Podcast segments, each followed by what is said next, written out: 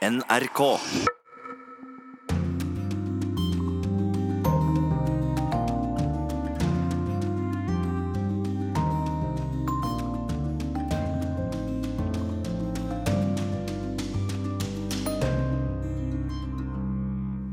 Velkommen til Urix på lørdag. Kan noe som har skjedd i fylla for 36 år siden, felle en kandidat til USAs høyeste domstol?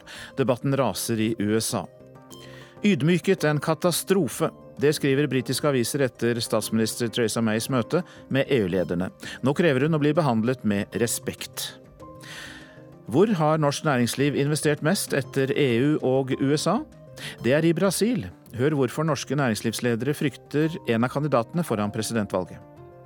I går var det verdens fredsdag. Hør om fredsorganisasjonen som ikke vil ha nye medlemmer.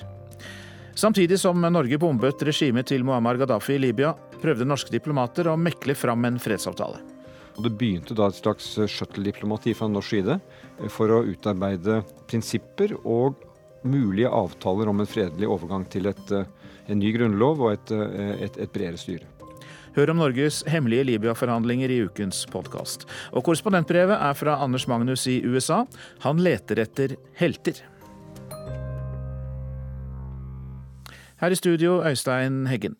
Som vi hørte i Dagsnytt, president Donald Trump truer med å sparke flere medarbeidere for å bli kvitt det han kaller stanken i Justisdepartementet og FBI.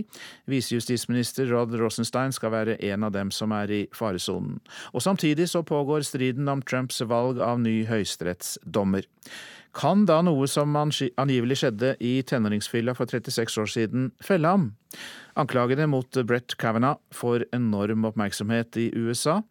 Kvinnen som anklager han for et seksuelt angrep da hun var 15 år og han var 17, har bedt om å forklare seg justiskomiteen i eh, Senatet. Og debatten som raser i USA, handler slett ikke bare om kvinners kamp for å bli trodd i overgrepssaker.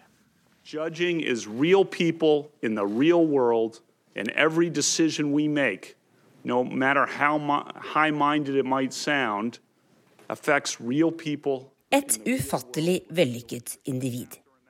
Slik ble Brett Kavanaugh beskrevet av senatsleder Mitch McConnell i går. Det er vanskelig å være uenig i denne beskrivelsen. 53 år gamle Brett Kavanaugh har hatt en storslått karriere i det amerikanske rettssystemet, og har også vært innom Det hvite hus som juridisk rådgiver for George W. Bush. Suksessen til mannen som snart skulle ta plass i USAs høyeste domstol, begynte imidlertid lenge før han fikk sine første toppjobber. For Brett Kavanaugh vokste opp like nord for Washington DC, i en av USAs rikeste forsteder, hos to høyt utdannede og like vellykkede foreldre. De sendte ham til en av USAs mest prestisjetunge privatskoler for gutter, Georgetown Prep. Det var på en fest hjemme hos en av guttene på denne skolen at 17 år gamle Brett kan ha møtt 15 år gamle Christine Blassie, elev ved den like prestisjetunge jenteskolen Holton Arms, som ligger like i nærheten. Jeg kjenner mange som har sendt barna sine til disse skolene, så jeg kan i grunnen se det hele for meg. Blassie, som i dag er professor i California, hevder at Kavanaugh tvang henne inn på et soverom, der han la seg oppå henne, befølte henne og holdt hånden over munnen hennes for at hun ikke skulle skrike. Hva som faktisk skjedde for 36 år siden, vil justiskomiteen i Senatet forsøke å komme til bunns i fortere enn svint. For enormt mye står på spill for både republikanere og demokrater nå. Kavanaugh skulle sørge for at det blir konservativt flertall i Høyesterett i mange år, ja kanskje tiår framover. Republikanske ledere vil trolig gjøre alt de kan for å få ham godkjent før kongressvalget om seks uker. Men mer om det senere. Debatten om Kavanaugh og det som kan ha vært en skjebnesvanger fest i 1981 eller 82, er nemlig svært pikant. Amerikanske høyesterettsdommere kan sitte livet ut og blir veid og målt og gransket både før de blir nominert av presidenten og i godkjenningsprosessen. De er blant USAs mektigste mennesker. De avgjør de store prinsipielle debattene som endrer det amerikanske samfunnet. Og de sitter også på toppen av et rettssystem der straffemetodene stadig er langt hardere enn dem vi er vant til her i Europa. I delstaten Maryland, der Brett Kavanaugh har bodd det meste av livet, blir tenåringer som anklages for voldtektsforsøk, behandlet som voksne lovbrytere. En 16- eller 17-åring som blir siktet for det Kavanaugh er anklaget for, kan bli plassert i et fengsel for voksne.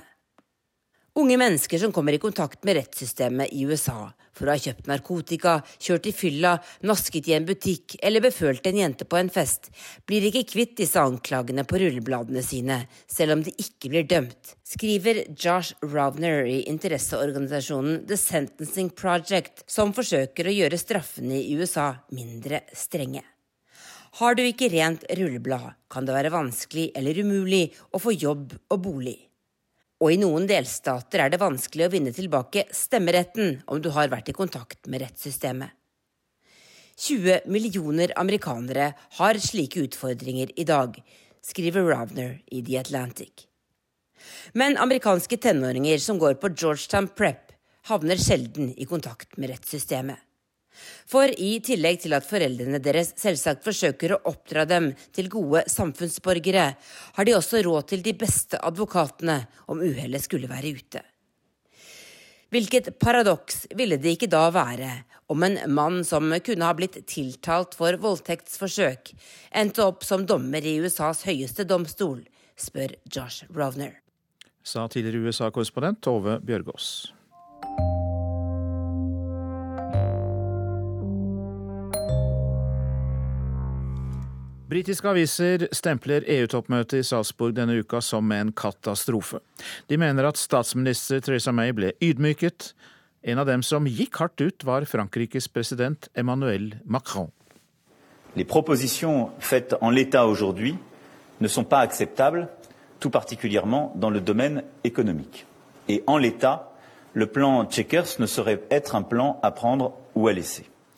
Forslagene slik de foreligger er ikke akseptable, spesielt på det økonomiske området. Det kan ikke være et krav om alt eller ingenting, sa Macron. Og May, hun eh, svarte dagen etter fra Downing Street. Throughout this process, I have treated the EU with nothing but respect. The UK expects the same. A good relationship at the end of this process depends on it.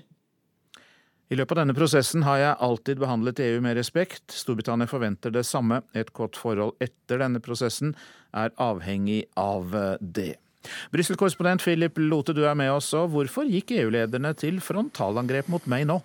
Og Det som da ble beskrevet som et frontalangrep, var vel mer summen av motstanden møtte under Salzburg-toppmøtet. Det er 27 medlemmer som blir værende i EU. Når alle regjeringssjefene er på samme sted eh, og står for det samme og sier at de forslagene hun har lagt på bordet, og dette så blir understøttet av president for EU-rådet Donald Tusk, så virker jo dette som en massiv avvisning, eh, en ydmykelse av meg. Og selv om dette ikke var hensikten til eh, de 27 andre statslederne og Tusk, så er det det da som blir utfallet. De var jo redde for faktisk å svekke henne, for de er jo klar over at Theresa May kanskje er det beste kortet de har hvis de skal få landet en avtale. Hvis hun kommer inn i såpass vanskelig politisk farvann at hun blir tvunget til å gå av, så vet de jo ikke hva annet som kommer, og hvem de da må forhandle med. Eh, så Før møtet så var jo faktisk eh, målet å bygge henne litt opp, men samtidig så var jo beskjeden klar om at det hun kom med, ikke var godt nok. Og Tusk i går, når han svarer på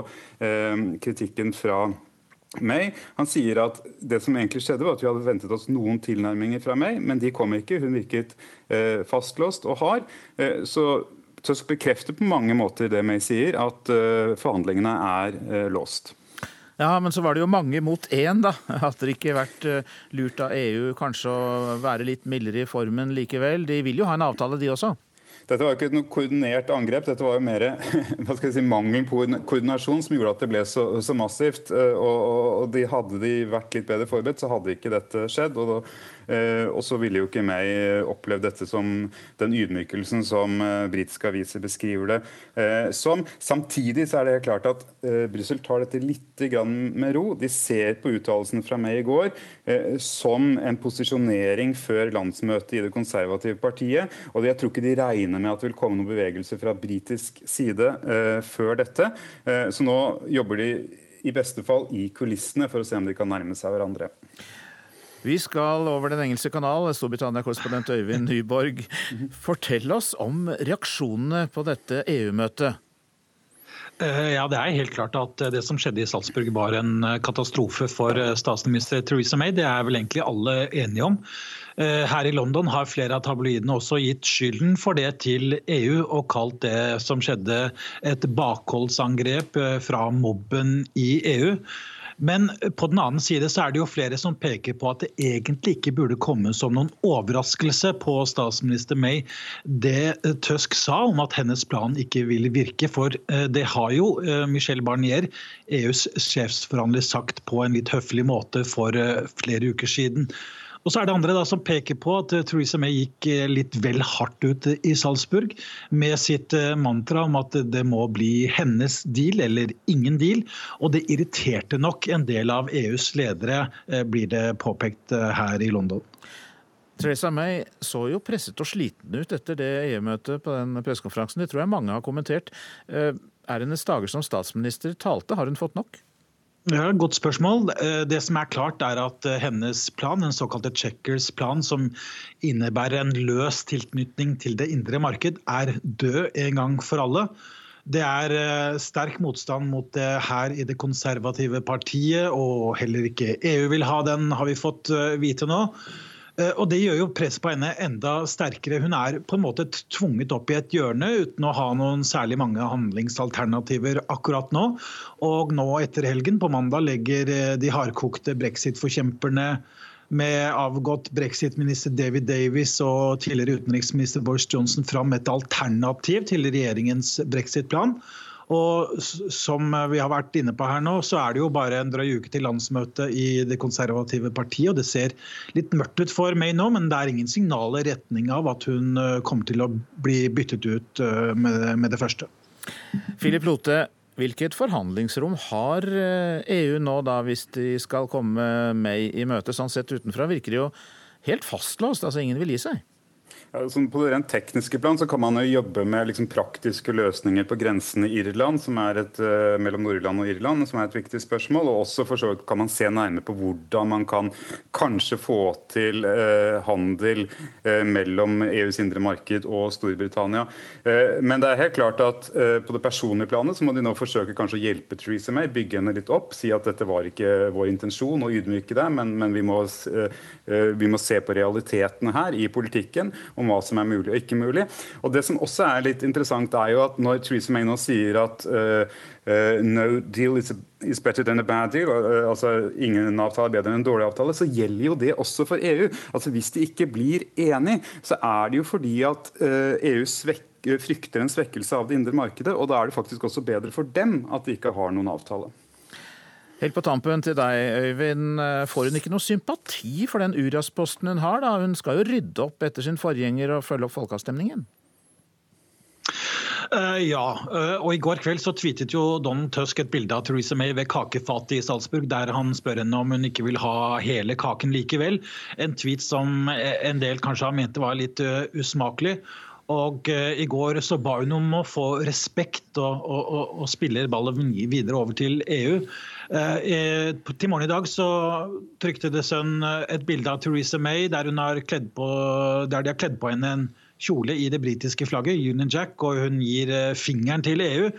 Og uh, slik at Den motstanden hun har fått uh, på møtet i Salzburg og i Brussel, utløser også en del sympati for henne. Og, Det blir jo interessant å se hva slags effekt det kan få.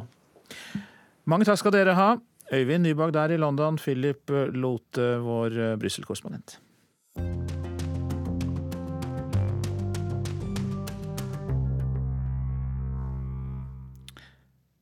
Over til et nytt kontinent, for Brasil velger ny president om to uker, og valget er blitt kalt det viktigste på flere tiår. Også for Norge, for norsk næringsliv har investert rundt 250 milliarder kroner i Brasil, og det er mer enn noe annet sted utenfor EU og USA. Arnt Stefansen har sendt oss denne reportasjen fra Rio de Janeiro. Verás que um filho teu não foge à luta, nem teme quem te adora. Tilhengerne til Jair Bolsonaro synger Brasils nasjonalsang utenfor et sykehus i Sao Paulo. Nem teme quem te adora a própria morte.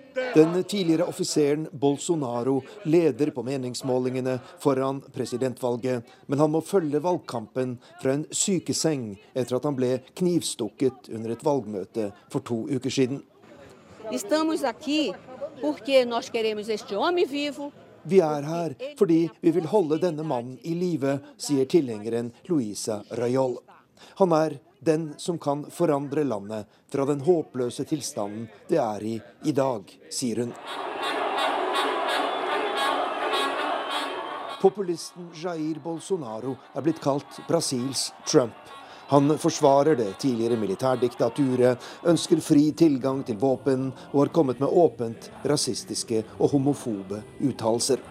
Men han regnes som ukorrupt og støttes av mange som ønsker en radikal kursendring i dette landet.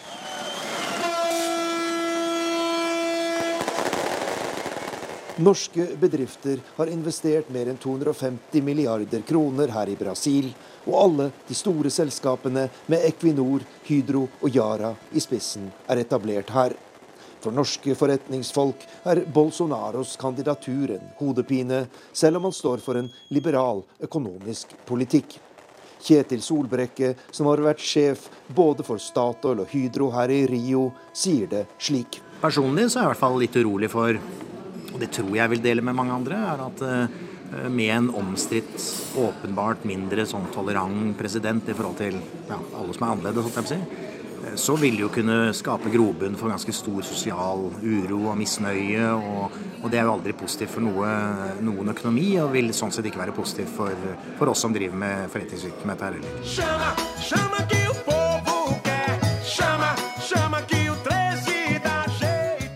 Ifølge meningsmålingene vil Bolsonaro møte en kandidat fra venstresiden i annen valgomgang, og heller ikke derfra er signalene de beste, sett med norske næringslivsøyne. Størst bekymring vekker kandidaten Ciro Gomez, som har uttalt at han akter å nasjonalisere Brasils oljevirksomhet dersom han blir president. Kjetil Solbrekke tror dette er ren populisme i valgkampen. Men du får jo ikke noe god følelse heller med en person som da åpenbart sier én ting og gjør noe annet eventuelt. Så jeg tror nok det er stor usikkerhet og, og ja, øh, eller ja, i hvert fall stor usikkerhet i forhold til øh, et eventuelt valg av Ciro Gomez som president også. Men den sterkeste kandidaten på venstresiden er tidligere utdanningsminister Fernando Haddad. Han erstatter Brasils tidligere president Lula da Silva, som sitter i fengsel og ikke får delta i valget. Det er svært usikkert hvilken økonomisk politikk Haddad vil føre, sier Kjetil Solbrekke, som likevel er optimist på vegne av norske bedrifter her i Brasil. Så jeg tror nok det vi vil ønske de fleste som er her, eh fra andre selskaper, er jo at det, at det, fortsatt vil være en åpenhet. At det fortsatt vil være åpent for utenlandske investeringer, utenlandske selskaper. Og det tror jeg vi nok vi forventer at kommer til å uh, fortsette. Uh, uavhengig av hvilken eh, president vi får etter valget.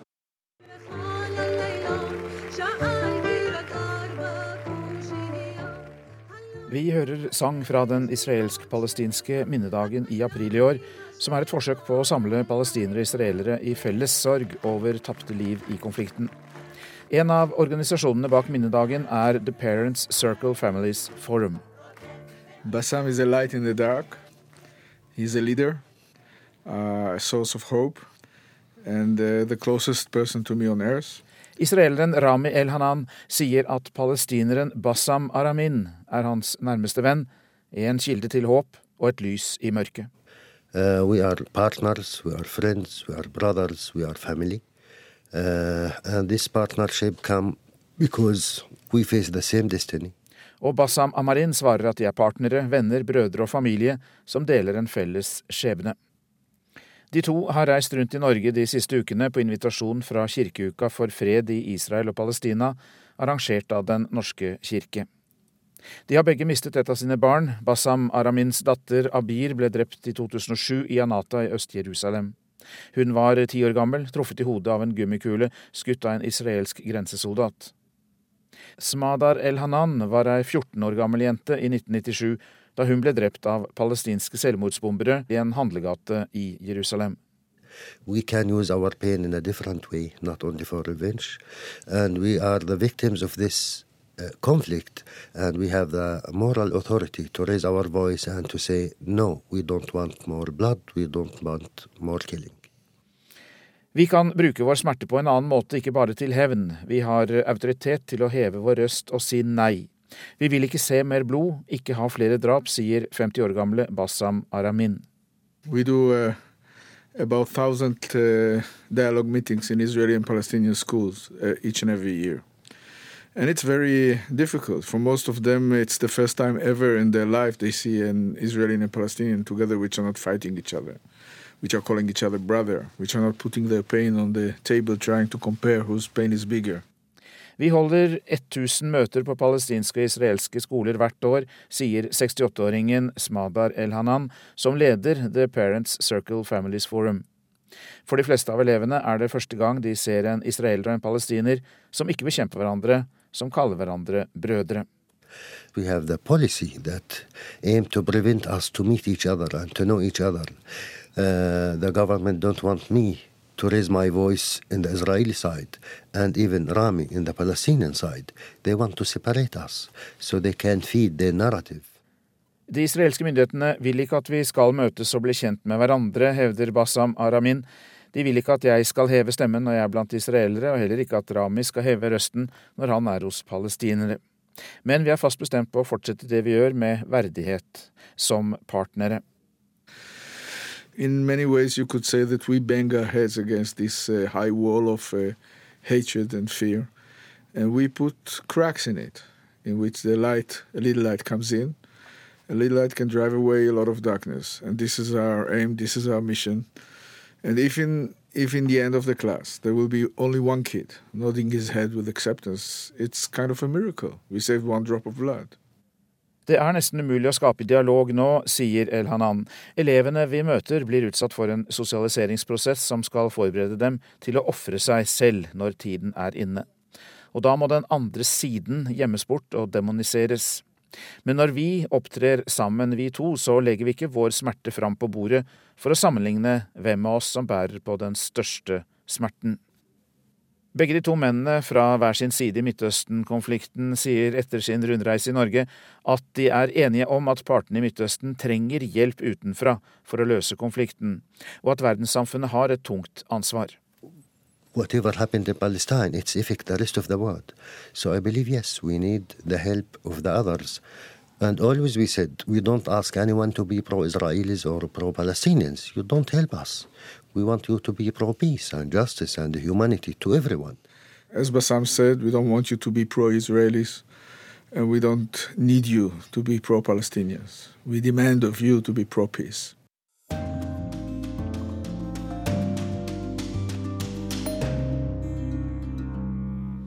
I januar tar Romania over formannskapet i EU, men før det har det sosialdemokratiske regjeringspartiet prøvd å kvitte seg med sin omstridte og utskjelte leder Liviu Dragneas. Og vår reporter Roger Severin Bruland støtte på nettopp ham i Folkets palass nylig, i det gigantiske marmorbygget som ble reist under kommunisttiden. Hallo. Hallo. Jeg tester ekkoet inne i Folkets palass, medan jeg venter på å slippe inn i de indre gemakker. Dette er verdens andre største administrative bygning etter Pentagon, og huser bl.a. nasjonalforsamlinga i Romania. Det er ingen sofa å slenge seg nedpå, så jeg blir stående litt keitete i ingenmannsland mellom metalldetektorene. Medan jeg står der, kommer Romanias kanskje mest kontroversielle politiker.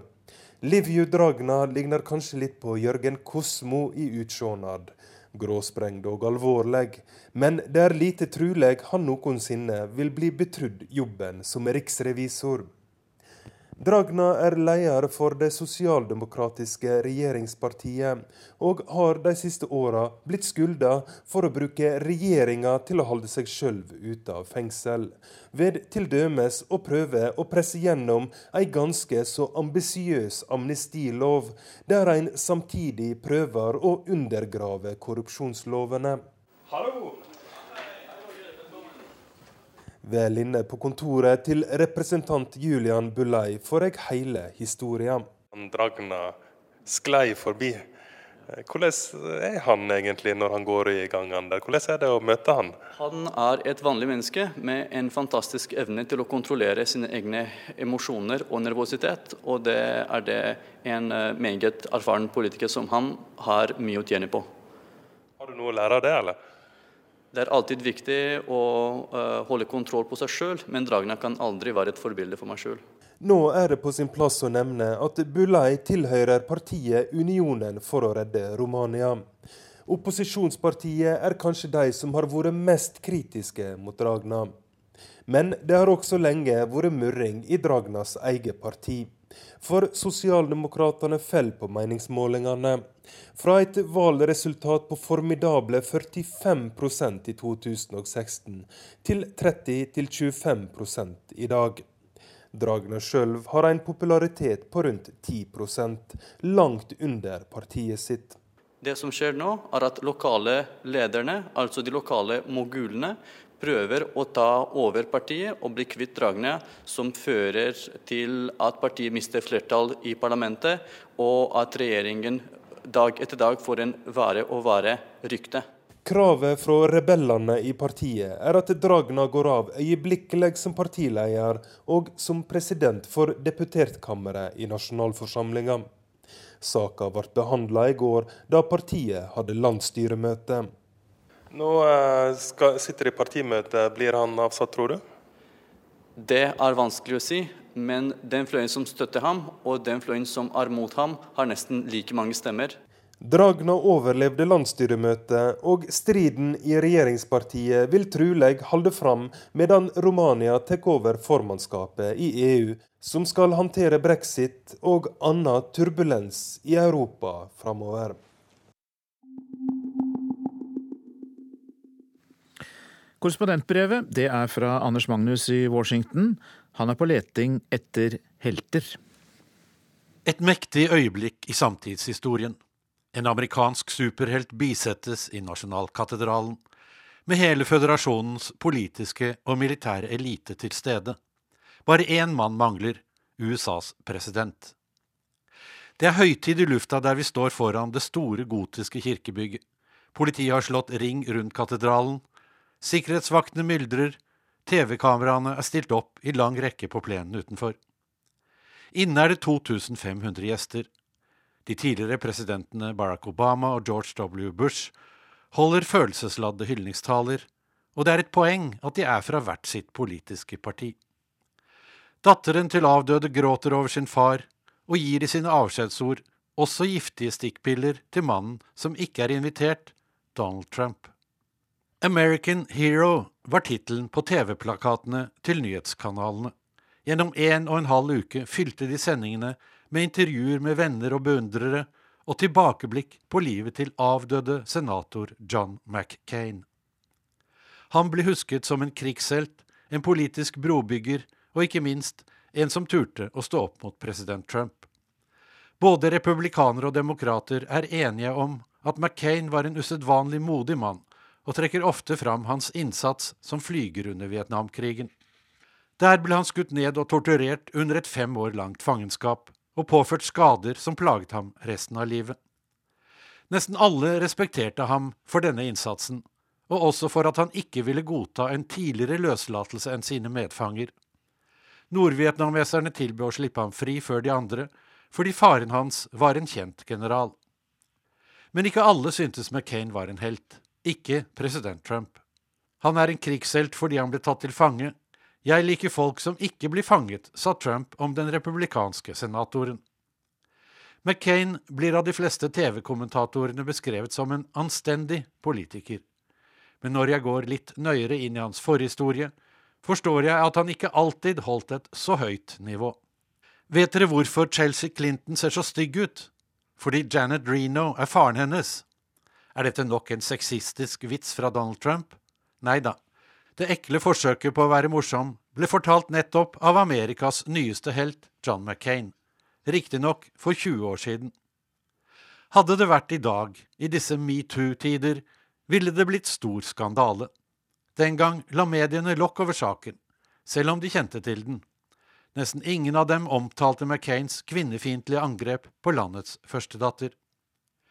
Chelsea Clinton var bare 18 år gammel og så vidt ferdig med college da denne uanstendige vitsen rammet henne. Dessverre for henne var hun datteren til Bill og Hillary Clinton. Janet Reno var den gang USAs første kvinnelige justisminister. Nedrigheten hadde mange lag i denne pinlige historien. Den antydet at Janet Reno egentlig var en mann, for bare en mann kunne vel være justisminister? Eller at Hillary Clinton hadde et lesbisk forhold til justisministeren på samme tid som Monica Lewinsky-skandalen eksploderte rundt ektemannen Bill. Og den var også ment å ramme en politisk motstander, den demokratiske presidenten Bill Clinton. John McCain var republikaner og fortalte den stygge vitsen sin til en gjeng høytstående herrer fra samme parti under en middag i hjemstaten Arizona. McCain hadde også andre svært sexistiske vitser noen av dem så ille at de ikke engang bør fortelles videre. Men ikke bare kjeften hans oppførte seg nedsettende mot kvinner. McCain var mot selvbestemt abort. Som senator stemte han for vedtak som skulle begrense kvinners rett til å avbryte svangerskap. Og like før han døde, støttet han Trumps kandidat til ny høyesterettsdommer, den svært konservative abortmotstanderen Brett Kavanaugh, som det nå er så mye strid rundt. McCain stemte også mot en lov som ville gi kvinner i arbeidslivet lik lønn som mannlige ansatte for likt arbeid. Slike kjensgjerninger ble i svært liten grad brakt til offentligheten under heltedyrkingen av McCain etter hans død. For om han hadde vært nedlatende overfor kvinner, var han til gjengjeld en tøff mann og krigshelt. I den amerikanske hyllesten av helter står de som har trukket i uniform, svært høyt på rangstigen. Krigsveteraner blir feiret grundig på Veterans Day en gang i året, og de kan også få eget nummerskilt til bilen som viser at de har tjenestegjort i det militære. På flyplassene blir soldater i uniform ofte kalt opp først til ombordstigning, før gamle og syke og familier med barn. De fleste samfunn har behov for helter og heltedyrkelse, og når man først har utdelt helteglorien og dyrket den over år, skal ingen få lov til å komme her og kødde med den. Det synes svært mange amerikanere at regissør og manusforfatter gjør i filmen First Man, som handler om den første månelandingen. Her har de utelatt astronautenes planting av det amerikanske flagget på månens overflate. Bedre var det ikke at Ryan Gosling, som spiller astronauten Neil Armstrong, forklarte at månelandingen først og fremst var menneskehetens fortjeneste, ikke amerikanernes, og at Armstrong ikke så på seg selv som en amerikansk helt. At Gosling er fra Canada, bidro heller ikke til å roe gemyttene. Protestene har strømmet inn til sosiale medier. Armstrongs astronautkollega Edwin Buzz Aldrin, som var med på å plante flagget, så seg nødt til å markere sin uenighet med filmmakerne på Twitter. President Trump er også rasende og har sagt at han ikke vil se filmen pga. den manglende patriotiske scenen. Jan Eggum satte ord på problemet med vår heltedyrkelse i sangen hvor er alle helter hen? For heltene har en tendens til å forsvinne. Blekende hen blir redusert til folk med helt vanlige feil og mangler. Jeg har også hatt mine helteskikkelser. En av dem var Myanmars, tidligere Burmas, demokrati- og frihetskjemper Aung San Suu Kyi. Hun satt fengslet i sitt hjem i 15 år etter at de militære annullerte landets demokratiske valg i 1990, som hennes parti vant. Jeg intervjuet Aung San Suu Kyi første gang rett etter at generalene slapp henne fri i november 2010, og var fortsatt begeistret. Men da hun i et av mine mange intervjuer seinere begynte å forsvare de militæres omfattende overgrep mot den muslimske minoritetsbefolkningen rohingya, mistet hun helteglorien. Både for meg og etter hvert også for store deler av det internasjonale samfunnet. Så står kanskje Nelson Mandela igjen som den eneste skikkelig helten vi kan klamre oss til. Jeg hadde gleden av å intervjue ham flere ganger, og likte ham, men oppdaget at selv Mandela hadde sine store svakheter. Han klarte aldri å få på plass en god politikk for de fattige i Sør-Afrika, bl.a. fordi han ga statsrådsplassene til gamle venner som var både udugelige og korrupte. Det han til gjengjeld fikk til, var en begynnende forsoning i Sør-Afrika etter apartheid-tiden. Og han kom med det beste råd til oss alle som har gjort ting vi angrer på i ettertid. Den største ære i livet er ikke å aldri gjøre noen feiltrinn, men å klare å reise seg igjen hver gang vi har falt. Det er her vi kommer tilbake til den amerikanske helten John McCain. Han klarte å reise seg igjen, også etter den slemme uttalelsen om Chelsea Clinton. Han beklaget vitsen, som han kalte ond og dum, overfor president Bill Clinton. De tre kvinnene som var fornærmet, hørte ingenting fra ham. Men etter beklagelsen la Clinton-familien hendelsen bak seg, og under begravelsen var både Bill og Hillary til stede på første benk i kirken. McCain brukte ofte soldatspråk, som kan ligne Trumps locker room talk, garderobespråk, og han kunne være så oppfarende og sint at folk ble redde for ham.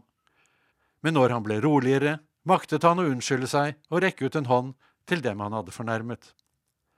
McCain strakk seg langt for å få til et håndtrykk og en avtale, over den politiske skillelinjen mellom republikanere og demokrater. Derfor klarte han å få til ting i politikken. Dette samarbeidet ble han hyllet for etter sin død. Mange amerikanere er lei av den voldsomme polariseringen i samfunnet og ønsker seg flere politikere som McCain. Også dette gjorde ham til en amerikansk helt, pluss at han kritiserte Trump, da. Er det noen sjanse for at samarbeidshungrende amerikanere får innfridd sine ønsker, at polariseringen avtar? Det tror jeg dessverre ikke. Nå har det gått noen uker siden begravelsen av McCain. Snakket om samarbeid og forsoning synes glemt. Det meste er tilbake ved det gamle, og ofte enda verre. Det kommer til å bli en knallhard kampanje foran kongressvalget i november.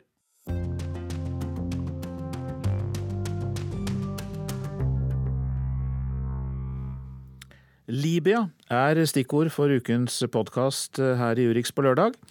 Og den åpner vi med en samtale mellom utenriksmedarbeiderne Sigurd Falkenberg Mikkelsen og Tore Moland. Libya, du. Der har du et land det gikk skikkelig, skikkelig dårlig med. Ja, det er en vanvittig tragedie, og særlig sammenlignet med det håpet som fantes der i 2011. Ja, for vi trodde det var ille under Gaddafi, men det har jo bare blitt verre, egentlig. Jeg tror for de aller fleste så har det det. Og fortsatt så diskuterer vi her i Norge var det riktig eller var det gærent av oss å gå inn med disse bombene. Ja, det er ikke så rart, for vi har jo aldri gjort noe lignende. Vært så aktivt inne med jagerfly, bombet så uh, kraftig. Men så er det også en annen ting her. Visste du at samtidig med det så prøvde Norge på et fredsdiplomati? Mellom Gaddafi og opprørerne i Libya? Ja, i all hemmelighet. Nei, det ante jeg ikke. Den historien skal du få nå, fra en av dem som sto midt oppi det. Krig og fred. En podkast fra NRK Urix. President, Denne analysen mener jeg er farlig, for den analyse vi her hører. For det den sier er at Man går inn for en flyforbudssone for å stoppe Gaddafi og fjerne ham fra makten. Om da sonen ikke lykkes, så må man ta et nytt skritt. Man må inn på bakken, militært gå inn i en situasjon for å fjerne regimet, nedkjempe det. Det vil jeg advare mot. 16.3.2011 var du i Stortinget. Det var muntlig spørretime. Og for alle oss som hørte på, så var det ganske tydelig at du ikke syntes en vestlig inngripen i Libya nødvendigvis var noen god idé. Hadde det sammenheng med at dere allerede var i gang med hemmelige forhandlinger med det libyske regimet om en mulig fredelig utgang? Jeg vil ikke si at det var hovedpoenget. Hovedpoenget var å advare mot det jeg opplevde var en veldig lettvint holdning til bruk av militærmakt. At bare man fikk fly på vingene og begynte aktiviteter, militære angrep mot Libya, så ville man nærmest innføre demokrati og menneskerettigheter fra lufta. Og jeg mener det er utenriksmyndighetenes ansvar å advare mot det. For det vet vi at ikke er tilfellet. Det er et svært alvorlig eh, virkemiddel. Vi har jo erfaringene fra Irak, Afghanistan og ellers at det i sjelden grad er en enkel løsning. Jeg heter Jonas Gahr Støre. Jeg er leder i Arbeiderpartiet og valgt til Stortinget fra Oslo. I 2011 var jeg Norges utenriksminister. Og da er mitt spørsmål til Norges utenriksminister har vi sagt ja eller nei til en flyforbudssone? Og det ville være skrekkelig, etter min oppfatning, eh, hvis vi også i forhold til Libyas befolkning ble sittende stille eh, fordi man var mer opptatt av å finne semantiske formuleringer enn å handle. Og da Er spørsmålet mitt, er det sånn at vi har en utenriksminister som bare analyserer, som bare drøfter, og som bare vurderer de ulike tingene, men som ikke er villig til å virkelig sette krav President, De ber om flere ting. Eh, jeg mener ikke at det nødvendigvis er veldig handlekraftig og edelt og for demokratiet å si at det vi da svarer på, er en vestlig militær intervensjon i Libya, hvis det er det representanten Skei Grande er for. Så Det var hovedsaken. Men jeg hadde selvfølgelig også, jeg var jo klar over da, at vi var i en, en tidlig fase av uh, å formidle kontakter mellom de to partene i Libya med sikte på en fredelig løsning. Mm. Og Når ble den kontakten opprettet? Ja, Det var tidlig i mars uh, eh, 2011. Da var jo FN i det jeg vil kalle en uh, utvikling fra ikke-militære tiltak i retning av militær inngripen så ble det tatt gjennom det nettverket som Norge har i det større Midtøsten, kontakter opp mot regimet til Gaddafi og inn mot oss med forespørsel om vi kunne legge til rette for kontakter mellom regimet og opposisjonen. Uh, og det var jeg åpen for at vi skulle uh, teste ut. Syns du det var en vanskelig jobb å si ja til et sånt initiativ? fordi vi hadde grunn til å tro at denne personen hadde greie på kildene sine og visste hva han snakket om, syns jeg ikke det var vanskelig. I en radiotale i kveld sier Gaddafi at hans styrker skal angripe Benghazi allerede i kveld, og at det ikke vil bli vist noen nåde. Vi vil jage forræderne fra Benghazi. De som overgir seg og kaster fra seg sine våpen, vil bli spart, sa han. Vi sendte en delegasjon til Tripoli med noen av eh, diplomatene som jobbet for meg. Eh, og de var da i Libya og, og endte jo med å få et møte med sønn av Gaddafi, som var helt sentral i regimet, og fikk bekreftet at det var en reell vilje fra deres side til å gå til slike samtaler. Så i den veldig viktige uken for uh, Libya og for verdenssamfunnet, så skjer det altså to ting. Du har en debatt i FN og i eh, Norge om bruk av militærmakt. Samtidig har dere startet et eh, hemmelig diplomati opp mot libyske myndigheter for å få til en mulig fredelig utgang. Det er riktig. Og det var jo da en utvikling i FNs sikkerhetsråd hvor man prøvde å få til en resolusjon som skulle gi grønt lys for bruk av alle tilgjengelige midler, som det heter på FN-språket. Det betyr militærmakt. Eh, vi var jo i en tidlig fase. Det var ikke snakk om ennå å få begge partene sammen. Vi visste jo ikke om opposisjonen var villig til dette. Dette var et initiativ fra regimet. Eh, og det var eh, for de som satt i Tripoli på vegne av Norge og meg da, på det tidspunktet. De la jo det fram for libyerne som at eh, nå går det mot en krigslignende tilstand. Eh, og muligheten dere har for å komme fredelig videre på dette, er forhandlinger. Eh, og det var de opptatt av. Jeg tror også det viser at det presset virket. Men de satt der nå en, en, del dager, og de satt altså inn til det vedtaket i FN ble fattet. Så vi hadde altså da norske diplomater i Tripoli etter at Sikkerhetsrådet uten veto hadde gitt grønt lys til bruk av militærmakt.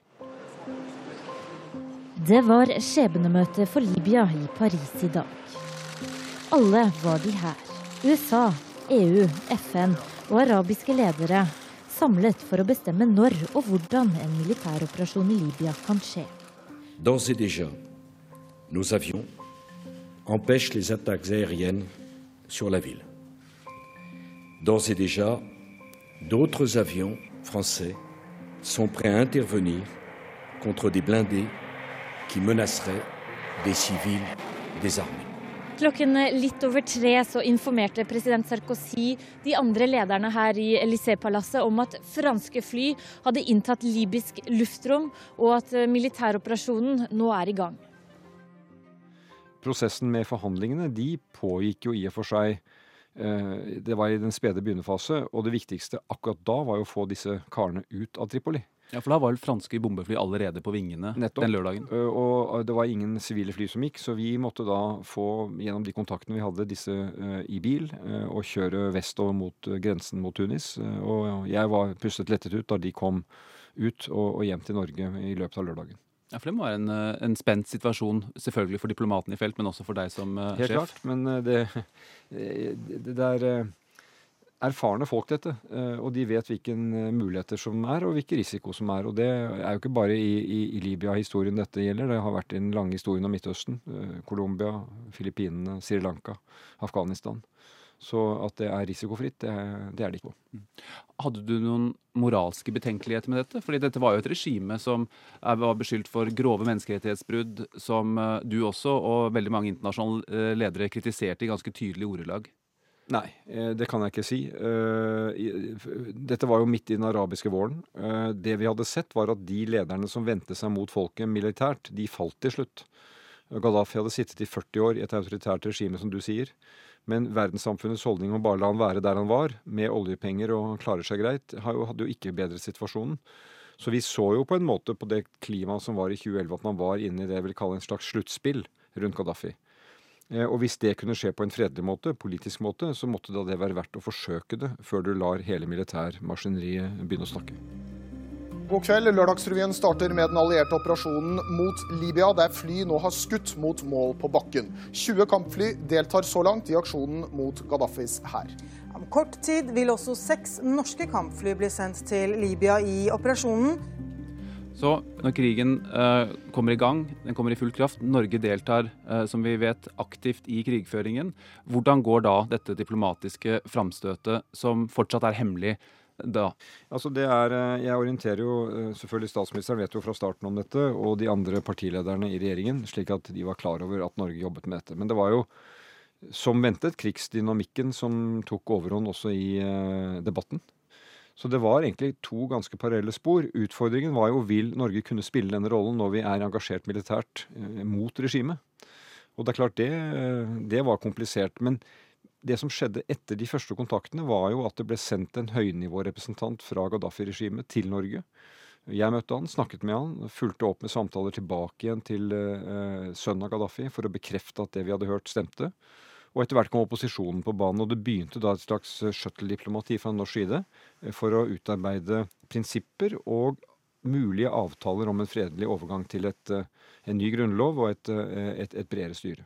Når du sier sønnen til Gaddafi, så er det Saif al-Islam dere tenker på? Det er han som da var sentral og litt ansiktet utad. Han hadde vel eh, studert utenfor Libya og hadde kontakter. Og ble vel lyttet til som en man i hvert fall forsto hva han sa. Det var ikke alltid like lett med faren hans. Uh, det betød ikke at han ikke var en del av regimet, men han var iallfall ansiktet utad. You want democracy, we are ready. You want election, we are ready. You want what? New constitution, we are ready. Ceasefire, we are ready. But the other side is refusing all the time. But to tell my father to leave the country, it's a joke.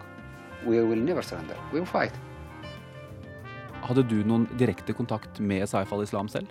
Ja, ikke ansikt til ansikt. Eh, det var plan en gang i mai-juni at jeg skulle reise ned hvis det var nødvendig for forhandlingene der. Men jeg snakket med ham på telefonen uh, i det jo man anta var han, for jeg fikk, ble koblet opp til han. Og da var det jo for meg å høre både at han var eh, eh, klar over hva vi nå snakket om, og eh, at han kunne forplikte seg til å følge opp det som ble forhandlet. Og jeg syns svarene var tilstrekkelig klare til at vi kunne gå videre. Og Hvilket inntrykk fikk du av ham? Han må jo ha vært en leder under i hvert fall sånn han framsto på TV, så virket han jo under et ganske intenst press. Ja, det syns jeg vi merket også.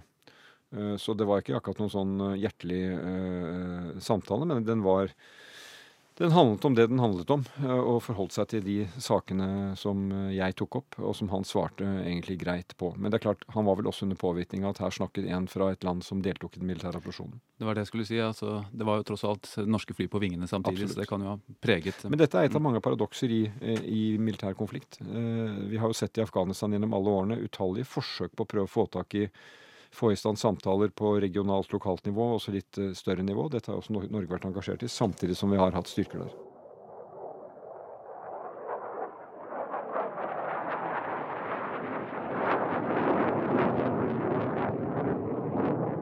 Etter hvert som dette fortsetter, så kommer det også til et møte i uh, Oslo mellom delegasjoner fra begge parter, som da er helt hemmelig.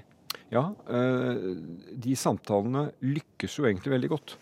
Nå skal det sies at de vi fikk i tale på eh, opposisjonens side, det var det jeg vil kalle pålitelige, anstendige folk. De ble sentrale i Libya etter at Gaddafi falt, men de representerte jo ikke de mer sånn ekstreme uh, miljøene fra Benghazi. Litt Al Qaida, IS-inspirerte miljøer. da vi brakte sammen representanter for regimet, det var vel da folk på sånn høyere nivå i rettsapparatet, egentlig, og opposisjonen, så var det folk som til viss grad kjente hverandre fra tidligere. De hadde familienettverk, og det var ganske emosjonelt da de satt rundt et bord i Oslo. Og de forholdt seg ganske konstruktivt til de forslagene vi la fram. Og det ble jo til slutt en tekst som var omforent eh, om hvordan man kunne få til en våpenhvile, eh, våpenstillstand, eh, få inn humanitær hjelp for internasjonale observatører. Eh, starte prosessen mot eh, en ny grunnlov, eh, og deretter mot valg. Få Gaddafi til å tre til side på en måte som kunne sikre han på et vis, men få han unna makten. Og for å gjøre en lang historie kort, det var der det skortet. Dette var partene enige om å anbefale. Men etter hvert som utviklingen gikk, de militære kampanjen fortsatte, og Gaddafi i løpet av mai måned følte at han egentlig hadde store fremskritt militært, så var ikke han villig eh, til å rikke på det, og, det tror jeg også skjedde mot eh, deler av familien hans klare, klare råd.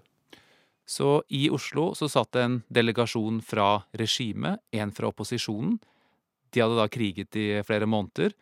Og dette var et møte dere klarte å holde skjult for offentligheten. Hvordan foregikk det rent praktisk? Nei, Det foregikk slik at uh, man på forhånd hadde forberedt partene gjennom det du kaller et shuttle-diplomati. Da snakke med begge uh, ulike tekstutkast. Forbedret dem, justert dem ettersom man hadde samtaler. En av grunnene til at jeg tror uh, de valgte Norge som sted for det som jeg tror det var det mest seriøse forsøket på å få til en fredelig løsning, det var jo andre òg, det var at Norge kunne etablere rask kontakt i USA. Fordi Frankrike og, Italia, nei, og, og Storbritannia, som var pådrivere for denne aksjonen i Europa, falt tilbake, vil jeg si, som ledere etter at eh, det hele kom i gang. Eh, og mens USA sa de skulle lede 'lead from behind', som Obama sa, en merkelig eh, uttrykk for øvrig, så var det allikevel USA, partene anså var den makten som kunne komme inn og, og, og, og ta styringen hvis det ble en, en fredelig løsning. Så uh, vi holdt amerikanerne orientert. Jeg holdt Hillary Clinton orientert. Uh, og, og, de var opptatt av at denne prosessen ble, ble, spilt ut, ble forsøkt. Og så, når man kom til Oslo, så lå det et papir på bordet som det ble snakket om, og som ble, ble, opplever jeg, var så nær langt man kunne komme til enighet om. Men etter Oslo så ble det jo da mer krevende av de grunnene som jeg sa, fordi dynamikken på bakken tok sin egen retning. When someone come into your town, try kill you, what you do it? Should be your, your, your defense. Now we are defense. Gjensynsglede ved fronten øst i Libya. En skadet opprører er igjen klar for å slåss. Opprørsstyrkene trenger alle som kan holde et gevær, for nå er de på vikende front. Gaddafis styrker er på offensiven. Etter din mening, hvorfor gikk det galt? Jeg tror at opposisjonen etter hvert så at dette var et uh, eh, nå et oppgjør som måtte ende eh, med eh, diktatorens eh, fall. Det var jo en borgerkrig under full eh, oppseiling. Jeg står fast ved at norsk deltakelse skjedde under FN-mandatet som handlet om å forhindre at Gaddafi kunne bruke sitt regime, militærregime mot folk. Men det er ikke noe tvil om at den luftaktiviteten fra Nato-fly, som var jo ment å ta ut da Gaddafis militære kapasiteter, tjente jo på mange måter opprørets militære interesser. Og de kunne da gradvis nærme seg eh, hovedkvarterene til Gaddafi, og han endte jo opp der han gjorde. Og da den dynamikken tok overhånd, så, så, så talte våpnene, for å si det litt uh, mer litterært. Uh, og da ble denne type forsøk ikke mulig å ta helt fram. Når du ser tilbake på det, er det noe du ville gjort uh, annerledes? altså Svaret på det er alltid ja, men det springer liksom ikke i, uh, frem for meg i denne sammenhengen. Altså, hadde vi fått disse kontaktene altså, det, Dette var jo ikke kontakter som Norge søkte. Så vi kan jo ha tenkt oss at Norge mer aktivt hadde søkt i slutten av 2010 inn i 2011 uh, kontakter for å se om det var mulig å finne en fredelig løsning. Nå sto ikke det å liksom finne en fredelig løsning for Gaddafi øverst på min liste inn i 2011. Da hadde vi I 2011 var jeg på besøk i Syria, møtte Bashar al-Assad i januar, sju uker før borgerkrigen begynte. Det var jo et drama under voldsom oppseiling. Og vi hadde Egypt, som utspant seg foran våre øyne. Men det kunne vi selvfølgelig gjort annerledes. Da muligheten bød seg, så tok vi den og gikk aktivt inn i den og brukte våre beste folk og ressurser på det. Det mener jeg, det står jeg ved. I dag står jo det som et forsøk som ikke førte fram, men jeg mener det var verdt å forsøke det, og vi lærte mye av det.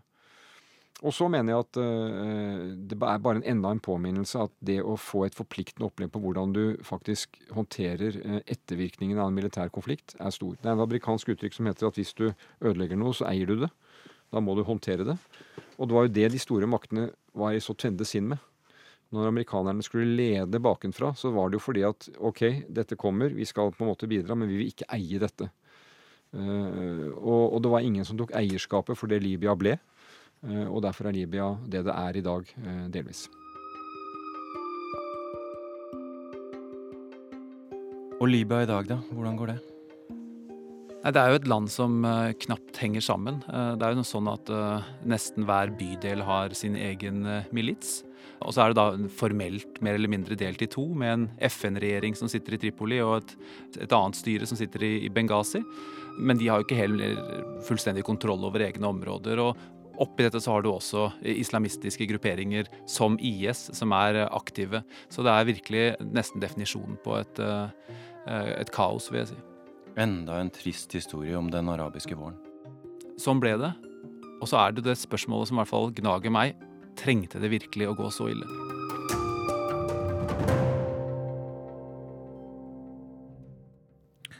Podkasten var ved Sigurd Falkenberg Mikkelsen. Du har hørt på Urix på lørdag. Teknisk ansvarlig Hanne Lunås, produsent Oda Holm Gulbrandsen, i studio Øystein Heggen. Og vi tar med på tampen at Iran har væpnede menn skutt mot en militærparade i byen Avaz sørvest i landet. Elleve medlemmer av revolusjonsgarden skal ha blitt drept og minst 20 mennesker skal være skadd, ifølge statlige iranske medier.